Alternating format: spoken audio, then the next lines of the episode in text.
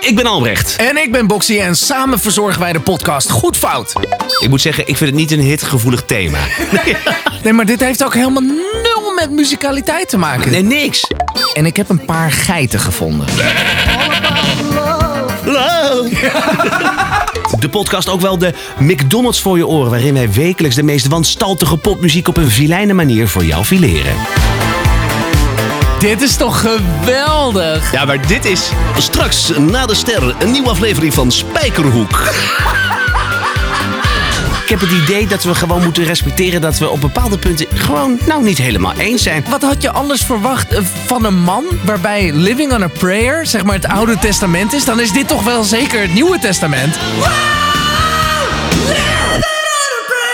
Veel te hoog! Waar we naar gaan kijken is Yoko Ono die samen met een, een, een saxofonist een improvisatie doet. Ah.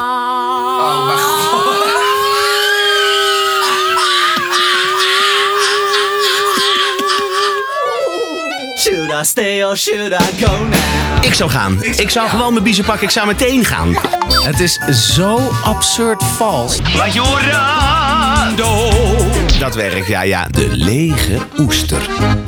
Als ik, als ik zeg ozone, zegt jou dat wat? Die zanger schijnt een vreselijke vrouwenverslinder te zijn, hè? Echt waar? Nee, absoluut niet. Ken je dat?